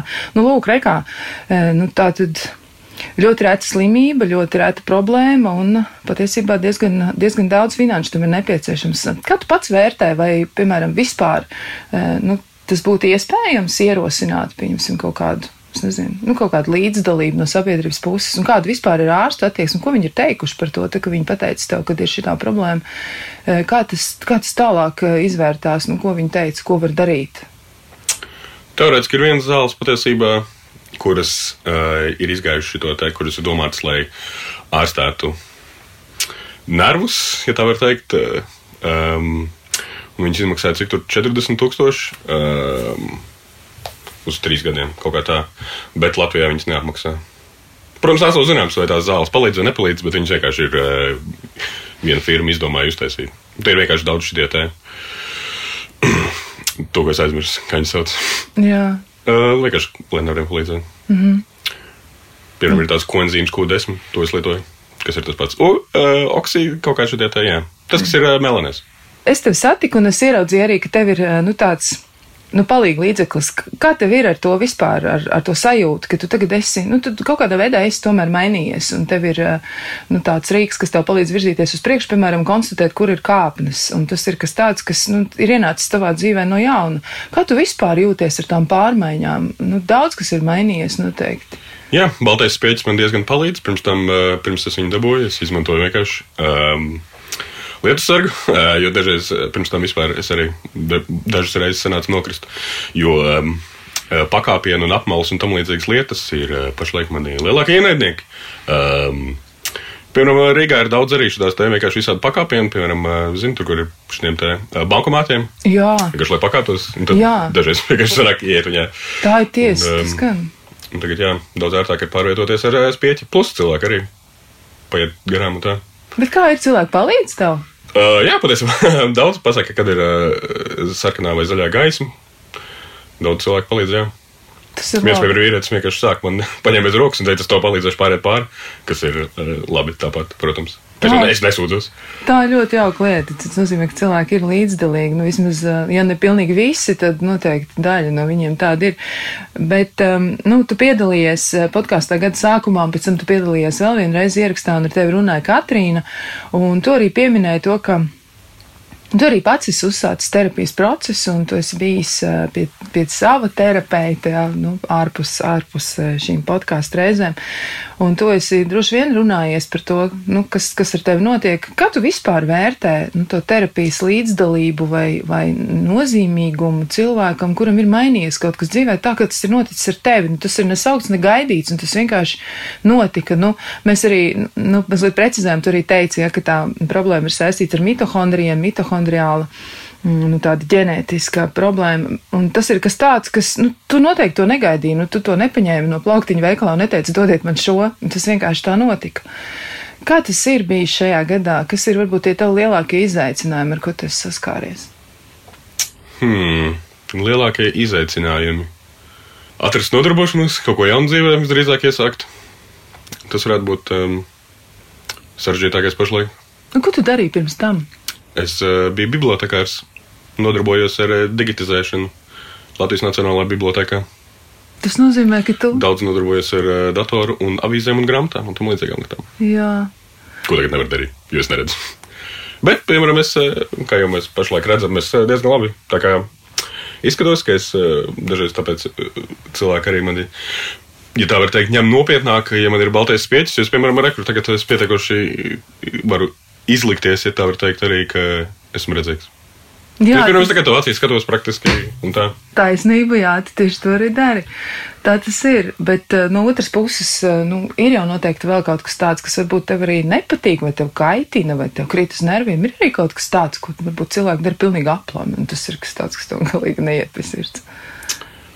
Uh, Sejas izteiksmes un žestikulācijas tagad es vairs neredzu. Dažreiz tad es saprotu, ja kāds klusē, tad saprotu, ka tu tagad kaut ko rādi vai māju. Jā. Jo tad ir dīvaini vienkārši iestājās klusums sarunā. Un tad mm. saprot, ka notiek kaut kāda vizuāla lieta pašlaik. Mm -hmm. Cilvēki nepārslēdzās tik viegli. Ja? Pat ja viņi zina, ka tev ir tā, ka tu pilnīgi visu neredzi līdz smalkumiem. Um, jā, vienkārši aizmirst. Aizmirst. Tas, jā. Tā mēdz būt. Bet um, runājot vispār arī par pašu terapiju kā tādu, un varbūt arī par citiem cilvēkiem, nu, tev ir sava pieredze. Tev ir sava pieredze, kas ir nu, tāda ļoti personiski nozīmīga tieši tev. Bet, ja tu mēģinātu pateikt kaut ko citiem cilvēkiem, kuri apsver vēl tikai ideju vispār, nu, pievērsties psihoterapijai vai konsultēties ar kādu cilvēku, tad, kad viņiem notiek dzīvē kādas pārmaiņas, par ko tu teiktu, kas ir tie iespējamie ieguvumi, ja tādi ir? Uh, sevis izzināšanas vairāk Protams, var arī nākties saskarties ar uh, emocionālām problēmām pēc tam, jo tas tā kā tu vienkārši sāc skatīties savu, savu prāta mehāniku. Un tad var, uh, tas ir, um, jā, ceļojums aizraujošs. Pašam sevi? Jā, pašam sevi. Psihonautika. Tas ir labs apzīmējums tam visam savā ziņā, jā. Bet eh, kā tu iedrošināt tos eh, citus cilvēkus? Jo dažreiz ir tā, ka viņi ir ļoti nobežījušies par to, kas varētu būt eh, nu, tāds, ko viņi, viņi sagaida kaut kādas lietas, droši vien, varbūt tās ir daļai izdomātas, izfantazētas, viņi raizējas par kaut ko. Kā tu iedrošinātu cilvēku, kuram ir? Nu, varbūt savā ziņā līdzīga situācija kā tev. Nu, ir pārmaiņas, kuras mm. nav gaidītas, nu, viņas nav iecerētas, viņas ir vienkārši viņas ir notikušas un tu esi spiests ar to saskarties un iemācīties ar to būt, kā tu iedrošinās cilvēkus? Hmm. Protams, ja viņi vēlas, tad tas ir iesakām. Es nedomāju, ka tas ir ļoti bailīgi arī. Tur ir konfidencialitāte arī, protams, var runāt, ko grib, stāstīt visādas lietas. Man patīk stāstīt lietas par sevi. Es nezinu, kā citiem, protams. Bet uh, interesanti. Nav tik traki. Jā. Var neteikt, ko negrib arī. Tā tad ir tāda iespēja būt arī tajā drošajā zonā, kamēr cilvēks sajūtās labāk. Jā. Un tas ir arī interesanti, ka tas ir cilvēks, kurš vispār ar eh, tavu dzīvi ir nesaistīts. Viņš diezgan varbūt objektīvi skatās vairāk. Un var stāstīt arī par saviem cilvēkiem, kurus šī persona nepazīst. Skats no malas. Tieši tā. Jā. Nu, kas vēl ir mainījies tavā dzīvē, ja mēs domājam arī par tavām attiecībām, piemēram, ar draugiem, Vai tur ir kaut kādas pārmaiņas, vai arī draugi ir akceptējuši visu to, kas notiek? Viņi saka, ah, nu tur reini, tur sīkumi vien, mēs ar viņu vienalga. Nu, tā kā ļoti labi spējam saprasties, kā ir ar pārējiem tiem tuvajiem cilvēkiem. Es teiktu, ka viņi ir mani jā, pieņēmuši, turpina pieņemt arī. Tas būtu dīvaini, ja vienkārši izvēlētos ar mani nekomunicēt šādu iemeslu dēļ. Bet, jā, tāpat dzīve, protams, mainās. Lietas notiek. Cilvēkiem savas problēmas arī ir. Viņus varbūt tas arī mulsina brīžam, nu, kad arī viņi. Es tev tieši tāpat jautāju, ko man, ko man darīt un cik tālu man tev palīdzēt vai iesaistīties, lai saprastu, nu, kā tas ir. Un tu man pateici, cik daudz man tev ir jāpalīdz. Bet kā ar citiem cilvēkiem, viņi ir spējīgi tā vienkārši uzdot jautājumu, nu, Reini, kā tev ir, ko man tagad darīt, kā man būt ar tevi? Jā, man šķiet, ka jā. Un tad var, protams, pastāstīt, paskaidrot pateikt, ka galvenais pasaka, kur ir tūmā trepas, lai es, eh, piemēram, nezinu, nenokristu. Vai arī, eh, kā man nesen gadījās, kad eh, ejot pa ielu, kāds cilvēks laikam lādēja savu mašīnu, un tur bija vienkārši šis te elektrības vats novilkts. Un tad tu paklupi. Nē, es pamanīju, man jau man viss pieķis veiksmīgi. Aha, cilvēks, protams. Rekā, es kā uzreiz iedomājos to negatīvāko scenāriju, tu tieši otrādi no tā viss spēļot. Jā, un vēl arī šis te, piemēram, cilvēki arī eh, vairāk pieskata eh, savus suņus un bērnus, jo viņi bieži vien haotiski pārvietojas. Lai man nav, nezinu, viņiem jākāp virsū. Nu, arī tāda negatīva pārsteiguma, jā, var gadīties. Jā, jo suņi bieži vien ir saitē, un tad tas ir parastiem cilvēkiem sanāk paklupt arī var. Ja viņi, piemēram, pārvietojas un saitē to pēkšņi priekšā kājām. Jā, tu teici, starp citu, arī par nākotni runāji. Tu teici, ka tev ir tādas dažas idejas attiecībā uz nākotni, kad kaut ko gribētu darīt. Vai tu vari atklāt? Tur, man liekas, bija kaut kas saistībā ar mūziku. Jā. Kas ir tas, ko tu esi uzsācis? Pašlaik vēl nav sanācis uzsākt, bet jā, ir plāns par mūzikas raidierakstu. Mm -hmm. Un kas tur? Apskatīt, nezinu, mūsdienu un veco mūziku arī. Cik nu apskatīt par mūzikas jaunumiem arī šķiet, ka ir eh, pietiekoši laba niša. Starp citu, jā, tas varētu būt kas tāds, kas eh, varētu ļoti daudz cilvēku arī interesēt. Jā, tā ir. tad iespējams, ka. Lai gan es nezinu, cilvēkiem uh, it kā interesē, bet bieži vien viņi vienkārši klausās kā vai nu radio, vai nu tagad mūsdienās ir populāri klausīties playlists. Es gribēju ātri izdomāt, kā ar playlistu latviski, bet nevar. Nu, dziesmu saraksts. Dziesmu saraksts, jā. Droši vien. Uh, jā. Spēlēšanas saraksts, jā, vienkārši tāds. Jo arī cilvēki vienkārši, nezinu, grūti veikt izvēles, un tāpēc, jā, varētu vienkārši pateikt, kas ir jauns, svaigs un tā, ko ir vērts klausīties un ko nav vērts klausīties. Jo, jo dienā ir tikai 24 stundas. Nav daudz laika, lai vispār kaut ko klausītos, skatītos. Jo tā ir problēma mūsdienās. Ir tik daudz seriālu, kā mēs visi varam paspēt kaut ko noklausīties. Daudz arī raidījumos, slīpstīt ar podkāstu. Un kā var, ko, kā, kā var izdomāt, ko izvēlēties, lai neplēst kaut ko garām? Jo tas ir vispār interesanti. Mēs tik daudz visi katrs klausamies un skatāmies kaut ko tik dažādu, ka bieži vien pat uh, sanāk tā kā vientuļi. Ar ko, nav ar ko parunāt, piemēram. Tā gan.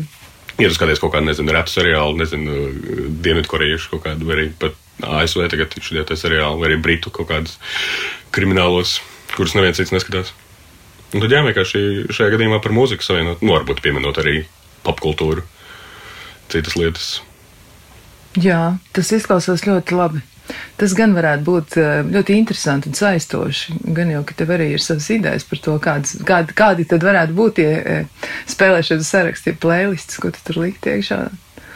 Droši vien, ka tur ir diezgan daudz tev ideju. Jā, tieši tagad ir uh, gads iet uz beigām. Vakar tieši sakārtoju, tagad man ir jāsakārto apmēram 105 man ir šī gada mīļākie albumi secībā, kas varētu būt sarežģīti. 105. Pašlaik man ir jā. Bet tie ir ļoti subjektīvi. Tie ir tie, kuri man patīk. Bet tie noteikti nav visi, ko tu esi noklausījies šogad. es Uh, jā. jā, bet redz, kā vidusmēra cilvēkam noteikti ir. Ir mazāk, mazāk laika bijis klausīties, un tas varētu būt ļoti, ļoti saistoši, ļoti interesanti. Es noteikti klausīšos, ja tu taisīsi tādas lietas, es noteikti būšu tas Un es tur nebūšu viens, tur būs mani draugi arī, kuri arī uh, interesēs par mūziku, Jā, sako jaunumiem un tā. mm, tas Iet ir koncertiem. labs- labi projekti. Tā ir. Nu, var teikt tā arī, ka šis, šis podkāsts ir tādās pašās tiešām gada beigās, un varbūt, eh, varbūt no tavas puses arī varētu eh, lūgt, nu, teikt kaut kādus tādus nu, spēcinošus vārdus citiem cilvēkiem, jo tas, ko tu esi pieredzējis šī gada laikā, un tas, ko tu esi pieredzējis arī mazliet pirms tam, un, un dzīve arī turpināsies, un tev būs jauni izaicinājumi droši vien, un arī jaunas lietas, ar ko tu nodarbosies, un, un nu, Dzīve, dzīve, dzīve notiek, notiek visiem. Bet um, tiem cilvēkiem, kuriem ir, nu, līdzīgi kā tev, nu, jā, jāsaskars ar kādu izaicinājumu, kas tiešām ir liels, kas tiešām ir nozīmīgs, kas tiešām vajag pārdomāt lietas, eh, kā tu viņus varētu varbūt uzmundrināt tieši nu, šo gadu noslēdzot. Jo arī šis podkāsts bija tāds zināms izaicinājums mums visiem. Mēs gribējām nu, ar, ar, ar podkāstu palīdzību nu, atbrīvot cilvēkus no tām bailēm mm, par psihoterapiju runājot vai par psihologu konsultācijām, lai viņiem nav tik daudz raižu, lai viņi vairāk pievēršas vispār šim te un uh, varbūt spēj padomāt arī par sevi parūpēties par sevi gal galā. Un tu biji viens no tiem drosmīgiem cilvēkiem, kurš teica jā, un es esmu tev ļoti, ļoti par to pateicīga. Un visi tie cilvēki, kas ir klausījušies uh, iepriekšējo sēriju un klausīsies arī šo, viņi noteikti par daudz ko aizdomāsies, un tu būsi spējis viņus uz to savā ziņā aizvest, ja ierosināt to. Tad, ko tu teiktu gada nogalē arī varbūt nu, tāds? Jā, es gribētu teikt to, ka mm, galvenais jāatcerās, ka mēs neesam vieni, tā varētu likties, bet ka mums eh, visiem ir praktiski problēmas. Grūti iedomāties, kādi, kuram nav problēmas. Protams, tās varētu būt dažādās uh, pakāpēs, bet uh, jā, visiem kaut kas notiek. Un, uh, jā, mēs neesam vieni, mēs esam nezinu, kopā, piemēram. Man arī patīk tas, ka, tas, ka tā izteikti latviskā lieta, kad, piemēram, atrodoties, eh, saka, turās, kas ir tā kā arī. Vienkārši, jā, kas cits atliek, jāturās. Un tad mēs varam kopā visi turēties. Kas ir laika patiesībā turās izklausās ļoti tā kā, nezinu, neobligāti pozitīvi, bet, eh, jā. Vienmēr mēs viens otram varam atgādināt, ka ir eh, jāturās un, nezinu, nevajag padoties, piemēram. Un, jā, ir cilvēki, uz kuriem var paļauties. Un var parunāties arī par lietām, dzīvi, kad tā turpina iet uz priekšu un tā ritēt. Kaut kā tā. Nu, tas ļoti labi vārdi. Un tad ko tad uh, var teikt mums tajā noslēgumā? Tā arī jāsaka. Es teikšu tev, tu saki man, un mēs kopā sakām visiem pārējiem. Nu tad turās, Jā. turās. veiksmīgu, nezinu, 2022. gadu. Cerams, ka būs labāks nekā šis. Ko es vienmēr saku, katru gadu šis būs labāks gads nekā iepriekšējais. Jā. Es nezinu, vai tā vienmēr ir, protams, bet uh, vismaz kaut kāda lieta, ko teikt. Cerēsim, ka tā arī būs, ka 2022. atnesīs mums tādas labas lietas, un arī tādas daudzas lietas, kas mūs iepriecinās un kas izmainīs dzīvi arī tādā labā virzienā. Jo visu laiku kaut kas notiek, lai cik negribētos lietas turpina notikt. Pozitīvs, negatīvs, vienkārši visu laiku kaut kas notiek, kas ir, nezinu, pārmaiņas, aizraujoša lieta kā man patīk arī tas teiciens, ka varētu likties, ka no dienas dienā nekas nemainās, bet, ja tu paskaties, tā kā, nezinu, piemēram, pirms gada, vai pirms diviem, vai pirms pieciem, diezgan daudz kas ir mainījies patiesībā. Tā kā visu laiku kaut kas notiek, lietas mainās, mēs esam kustībā. Nu, ko tad atceramies? Atceramies par um, playlistēm, atceramies par dažādiem izaicinājumiem, atceramies arī to, ko Rainis teica. Turās, visi turās un tiešām ceru, ka nākamajā gadā būs labāk. Noteikti arī būs. Es ticu. Un, yeah. Tā, tā tam vienkārši ir jābūt. Nu, ko? Nu, šajā brīdī man jāsaka paldies Reinim, jo Reinis noslēdz podkāstu sēriju. Un, jā, vēlreiz gribu teikt tev lielu paldies par to drosmi, par to iesaistīšanos, par to atklātību un par to, ka. Paldies par iespēju. Piekrīt. Parunāties. Visu labu un jā, turās.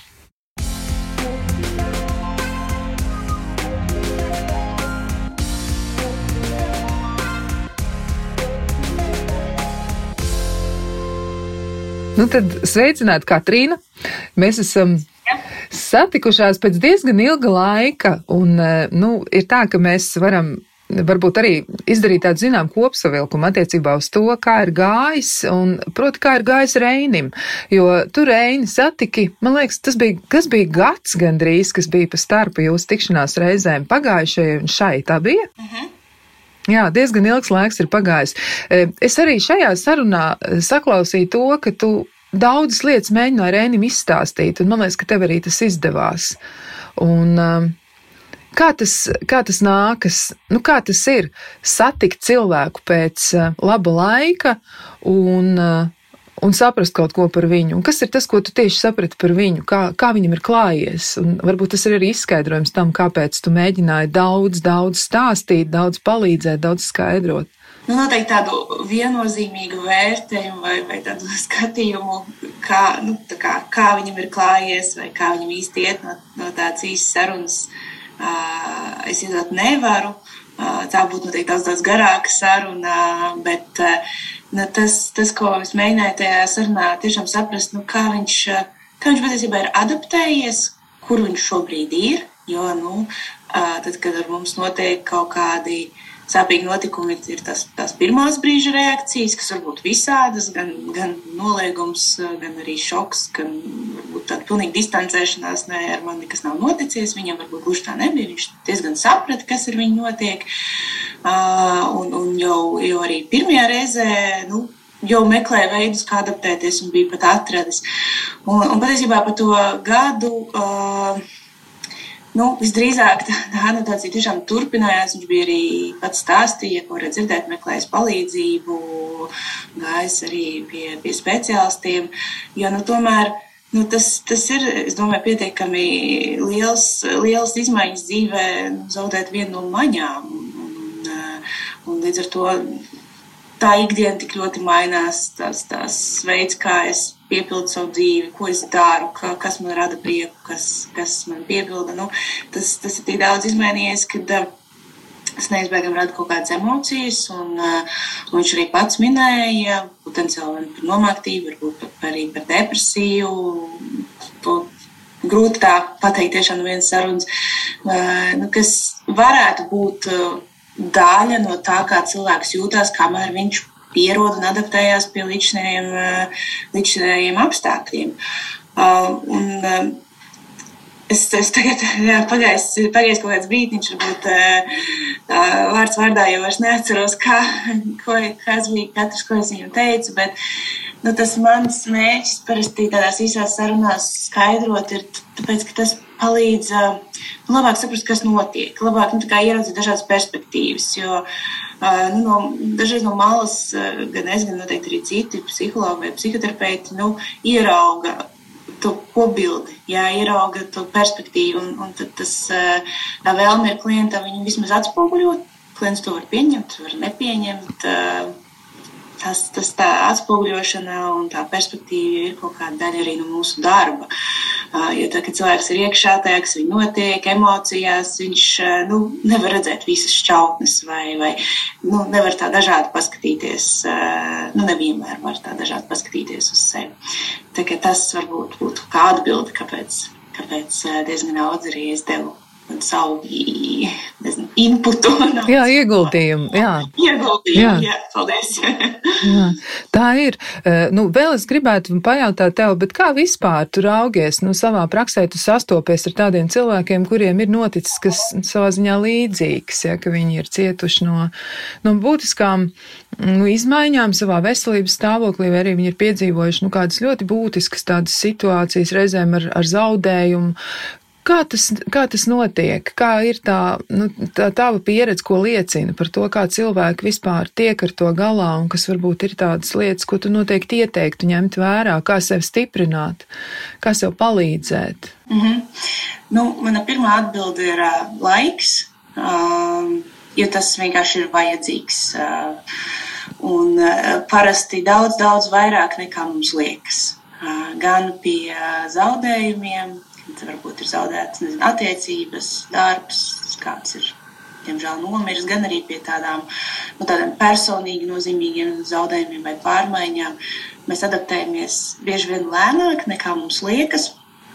Un, un nu, noteikti ņemt vērā, ka tajā iesākumā tas emocijas un tā kopējā sajūta var būt diezgan miksēta. Jā, kā es teicu, tur Tur var būt arī kaut kāds šoks, kaut kāds noliegums, nevar būt, ka tas ir noticies, tādas dusmas, kāpēc tas ir ar mani, kāpēc tieši ar mani, nevis ar kādu citu. Uh, citreiz pat tāda, tas sauc par tādu tirgošanos, kad es tā kā meklēju iemeslus, un ja es būtu darījis citādāk, nezinu, ja es būtu laikus gājis pie ārsta, vai es būtu laikus tur, nezinu, uh, pamanījis, ka mans partneris kaut kā, nezinu, citādāk jau ikdienā dara lietas, tad varbūt mēs nebūtu izšķīrušies, ja, vai varbūt, tad varbūt nebūtu notikuši šī nelaime. Uh, nu, tāda, ja tad tirgošanās arī tad meklējumi, kā, nezinu, kā varbūt, ja tas ir runa par attiecībām, kā atgriezties attiecībās, jā, varbūt dot izmisīgi meklējumi, ja tā ir veselība, nu, visos veidos, kā es varu sev palīdzēt, zinātniskos un nezinātniskos. Ja. Jo mēs tajā brīdī visdrīzāk vēl neesam pieņēmuši to, kas ir noticis. Tīpaši tas ir neatgriezniski. Un, un tad, tad tālāk seko tā, tā nomāktība, ir zīmē tāda līkne, tāda, tas bedres apakšējais punkts, kad mēs jūtamies vissliktāk. Un to bieži arī saista ar ļoti depresīvām sajūtām. Ja tas ilgs, tur tiešām var attīstīties arī depresija. Bet nu, īsā, īsajā versijā tā ir, tās ir sēras, kad mēs patiešām esam skumji, nomākti. Mums liekas, ka nu, kad ir, ir patiešām traki, bet tikai nonākot tajā punktā, mēs varam sākt pieņemt. Un ka tā ir arī tā realitāte. Bet izlaižot šo, šo punktu, ir ārkārtīgi grūti iztēloties, kā mēs varam tā veselīgi pieņemt, lai dzīvot tālāk. Un tad uh, citreiz arī metaforiski saka, saka nu, tad, kad tu esi tajā bedrē, tad tā ir iespēja atspērties. Jā, jo beidzot ir kaut kāds pamats. Un, un pēc tam tikai var sekot tāda pieņemšana, kas nav tādas vienā dienā pamostos un pieņemt. Tas varbūt ir lēns process, kad es adaptējos, kāda būs man ikdiena. Jā, domājot par ēnu, ja, kā tagad būs, kad, es, uh, kad man redzes iespējas ir tik ļoti samazināts, bet, bet es vēl aizvien gribu kaut ko skatīties, kaut ko klausīties. Ja, kā es to darīšu, kā es, kā es uh, aizpildīšu to dienu, kā es runāšu ar cilvēkiem par to, kā cilvēki sapratīs mani ar man, varbūt jauno kaut kādu stāvokli. Un tā, tā pieņemšana notiek pakāpeniski. Un ja mums tam izdodas iziet cauri, tad parasti nu, saka, ka krīzes un pārmaiņas mūs stiprina ja mēs viņām izējām cauri un, uh, un iedod bieži vien tādus resursus, kādi mums pirms tam pat vēl nebija. Un es ļoti ceru, ka arī Rēnis nu, turpinot strādāt ar sevi, jo, jo viņš ir atradzis to iespēju, kā to darīt, nu, viņam tie resursi tikai stiprināsies. Un, jā, iespējams, reizē atgriezties nevarēs, bet būs daudz citas lietas, kas viņam dzīvi piepildīs.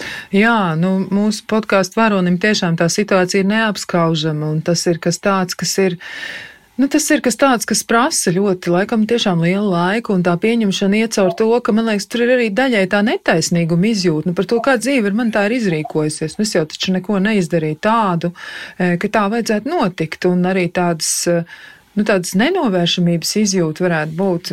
Kā tavu pieredze liecina, vai tas arī varētu būt viens no tādiem pastiprināšiem iemesliem, ka nu, gribas vainot visumu, gribas vainot varbūt, es nezinu, dievu, tur providenci vai ļauno dzīvi? Kā tas ir? Nu, es domāju, tā ir viena tāda ļoti dabiska un automātiska reakcija. Nu, mums, mums ļoti gribas uh, izskaidrot visu. Nu, tā kā tāda skaidra cēloņa sakarība. Nu, kāpēc tas tā notikās? Tā ir jābūt iemeslam. Jā. Man liekas, nu, cilvēks uh, izsmeļs ir meklējis iemeslus, jā, vai tur reliģijā es grēkoju, vai tur nezinu, kaut kādas uh, nezinu, misticismā kaut ko nezinu, ne, ne tā izdarīju ne tā paskatījos. Eh, un, un, un, nu, Mēs meklējam skaidrojumus, un bieži vien pat uh, neatrodot loģiskus skaidrojumus, mēs meklējam tādus, kas ir ārpus tādas ikdienas loģikas. Jo tad mums liekas, ka tam ir kaut kāda nozīme. Nu, kāds tā var būt, ka vienkārši ar mani tas notikās, ka vienkārši tieši man notika šī nelaime. Nu, tas, tas mums prātam ir grūti aptvert kaut ko, kam nav skaidrojumu, kam nav robežu, rāmju. Uh, nezinu, matemātiska pamatojuma. Un, eh, un tā ir tāda grūta daļa, kad ir kaut kas, ko mēs nevaram dzīvē kontrolēt, ko mēs nevarējām visdrīzāk nekādi paredzēt, neietekmēt. Pēc kara visi gudri, bet pirms tam mums nebija to zināšanu, vai nezinu, medicīnā nebija iespējas to laikus pamanīt vai ārstēt. Un, eh, nu, tad tā visdrīzāk jau kādā brīdī ir izvēle, vai es palieku tādā dusmu, nu, netaisnības sajūtas stāvoklī, principā tādā upura stāvoklī. Un tad, tad, tad es bieži vien pat sāku darīt lietas, kas man jau nu, sabotē. Nu, es pats jau pat daru tās lietas, kas man nodara pāri. Es, es pirms distancējos no cilvēkiem, es tad nainu dusmām, kāpēc man es izvairos no kaut kā, kas man iepriekš sagādāja prieku. Man ir tik daudz emocijas negatīvās, ka es nespēju tolerēt citu nelaimes. Man liekas, ka tas ir sīkums, jā, ar mani ir noticis daudz trakāk. Un kaut kādā ziņā es, pats sev sabotēju to stāvokli un paliek vēl grūtāk. Ja. Un, un ja tiešām iestājas arī tāda bezpalīdzības sajūta. Un tad, nu, parasti, lai cik, cik smaga būtu situācija, ja, vai tiešām burtiski dažiem izņēmumiem ir kaut kādi risinājumi. Un tā ir tāda izvēle, dažreiz to izvēli var izdarīt kopā ar kādu, vai kāds var palīdzēt, ieraudzīt, nu, ka mēs varam pat visstrakākajos apstākļos uh, tomēr atrast nezinu, cerību, iespēju, jēgu, kāpēc, kāpēc dzīvot tālāk. Kāpēc tas, kas notikās ar mani, neaptur manu dzīvi tagad pilnībā. Un, un kāpēc varbūt palikt tajā netaisnības un dusmu fāzē man ilgtermiņā tāpat neko nedod. Un tur var palīdzēt visādas arī, es domāju, garīgas prakses. Bieži vien cilvēki vēršas pie tā, un tas, tas ir pilnīgi ok. Ja tas nenodara pār, tas ir pilnīgi ok. Jo, nu, it īpaši ir tādi grūti izskaidrojumi un pamatojumi, notikumi, mums dažreiz vajag arī tādus skaidrojumus, kas nav varbūt ikdienišķi un vienkārši. Ja, un tas palīdz. Ja tas strādā, lai mēs atrastu jēgu dzīvot tālāk, Kāpēc ne? Nu, jūsu sarunā arī ieskanējās vienā brīdī nu, tā nots eh, un arī tas izteikums bija par to, ka vai dzīvē vispār ir jēga un ka arī mūsu podkāstu varonim ir tādas domas bijušas par to, ka nu, varbūt nav vērts, varbūt vienkārši nav vērts un, un ka, nu, kam tas viss? Un tad, ko var pretnostatīt tam visam? Jo tas, ko tu nu pat teici, tu teici par to jēgas izjūtas atrašanu, kas ir svarīga lieta katram cilvēkam, tā laikam piešķir to vērtīgumu mūsu dzīvē, un tur mēs arī caur to prizmu to saskatām. Bet kas vēl ir tas, ko tu teiktu, kas būtu tas uzmundrinājums visiem tiem arī, kas līdzīgi kā mūsu podkāsta mm, varonis ir saskārušies ar ko tādu? Ko tu teiktu vēl, kas ir tas, kas ir palīdzoši? Bez tā visu, ko tu minēji, jo tu teici ļoti daudz vērtīgas lietas, bet kaut kas vēl no tevis pašas varbūt. Es eh, noteikti, ka vairums cilvēku arī šo jautājumu uzdod. Ik pa laikam vairāk, citreiz mazāk. Un, un tad eh, tā tā viena atbilde, ko es gan, manuprāt, arī teicu tajā sarunā, bija, ka jēgu gal galā piešķiram mēs paši. Un tad, tas, tad es tajā savā tuvākajā apkārtnē, nezinu, starp eh, ģimeni, draugiem, lietām, ko es daru, meklēju, kas man šķiet jēgpilns, kāpēc ir vēl vērts turpināt. Uh, no otras, uh, ko es arī laikam sev, un es nezinu, vai tas kādam citam var palīdzēt, bet es sev mazliet uh, mierinu, ka šis ir jautājums, kurš uh, nu, laiku laikos iet cauri cilvēkiem. Nu, es ne pirmā, ne pēdējā, kas, kas to domāju. Un, un, Un es, ja es tā pavēroju, tas jautājums atnāk un aiziet. Un nevienmēr man jāatrod atbildi. Dažreiz, dažreiz man arī vienkārši jānogaida un jāturpina darīt lietas, kas, ko es jau daru, kas sanāk, vai kas man kaut kādā mērā patīk.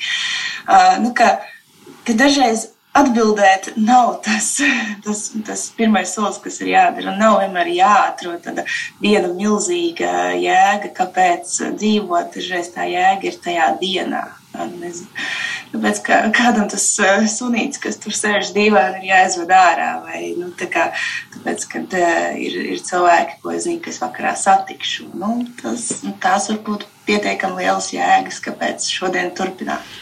Jā, tas izklausījās ļoti spēcinoši, un man liekas, tas ir arī tā ļoti, ļoti personiski. Kaut kas tajā visā eh, arī, jā, es dzirdu kaut ko. Tajā, ko tu saki, tie it kā ir tikai vārdi, bet tur arī daudz jūtu. Uh, jā, es gribu tev teikt ļoti, ļoti lielu paldies par to, ka tu runāji Reini, par to, ka tu uh, stāstīji to, uh, ko jūti tu pati, un ka tu mēģināji viņam palīdzēt un mēģināja pārvarēt tās grūtības. Un es ticu, ka viņa ceļš tālāk noteikti arī būs sekmīgs, viņam izdosies atrast savu vietu. Iespējams, vēlreiz atrast savu vietu dzīvē, jo man liekas, viņā ir tik daudz brīnumainu resursu. Viņš ir ļoti, ļoti spēcīgs cilvēks. Viņš varbūt tikai vēl visu par sevi nezina. Jā, Viņa zinātnē un interesi par lietām ir dzinulis. Es domāju, ļoti daudz, kam, eh, ko viņš varētu izdarīt eh, un jau dara patiesībā. Jā, jau dara. Jau dara. Tas ir, tas ir savā ziņā arī atslēgvārds. Nu, paldies tev vēlreiz, un iespējams, ka mēs atkal kādreiz tiksimies kādā sarunā. Kas to lai zina? Dzīve rādīs. Paldies!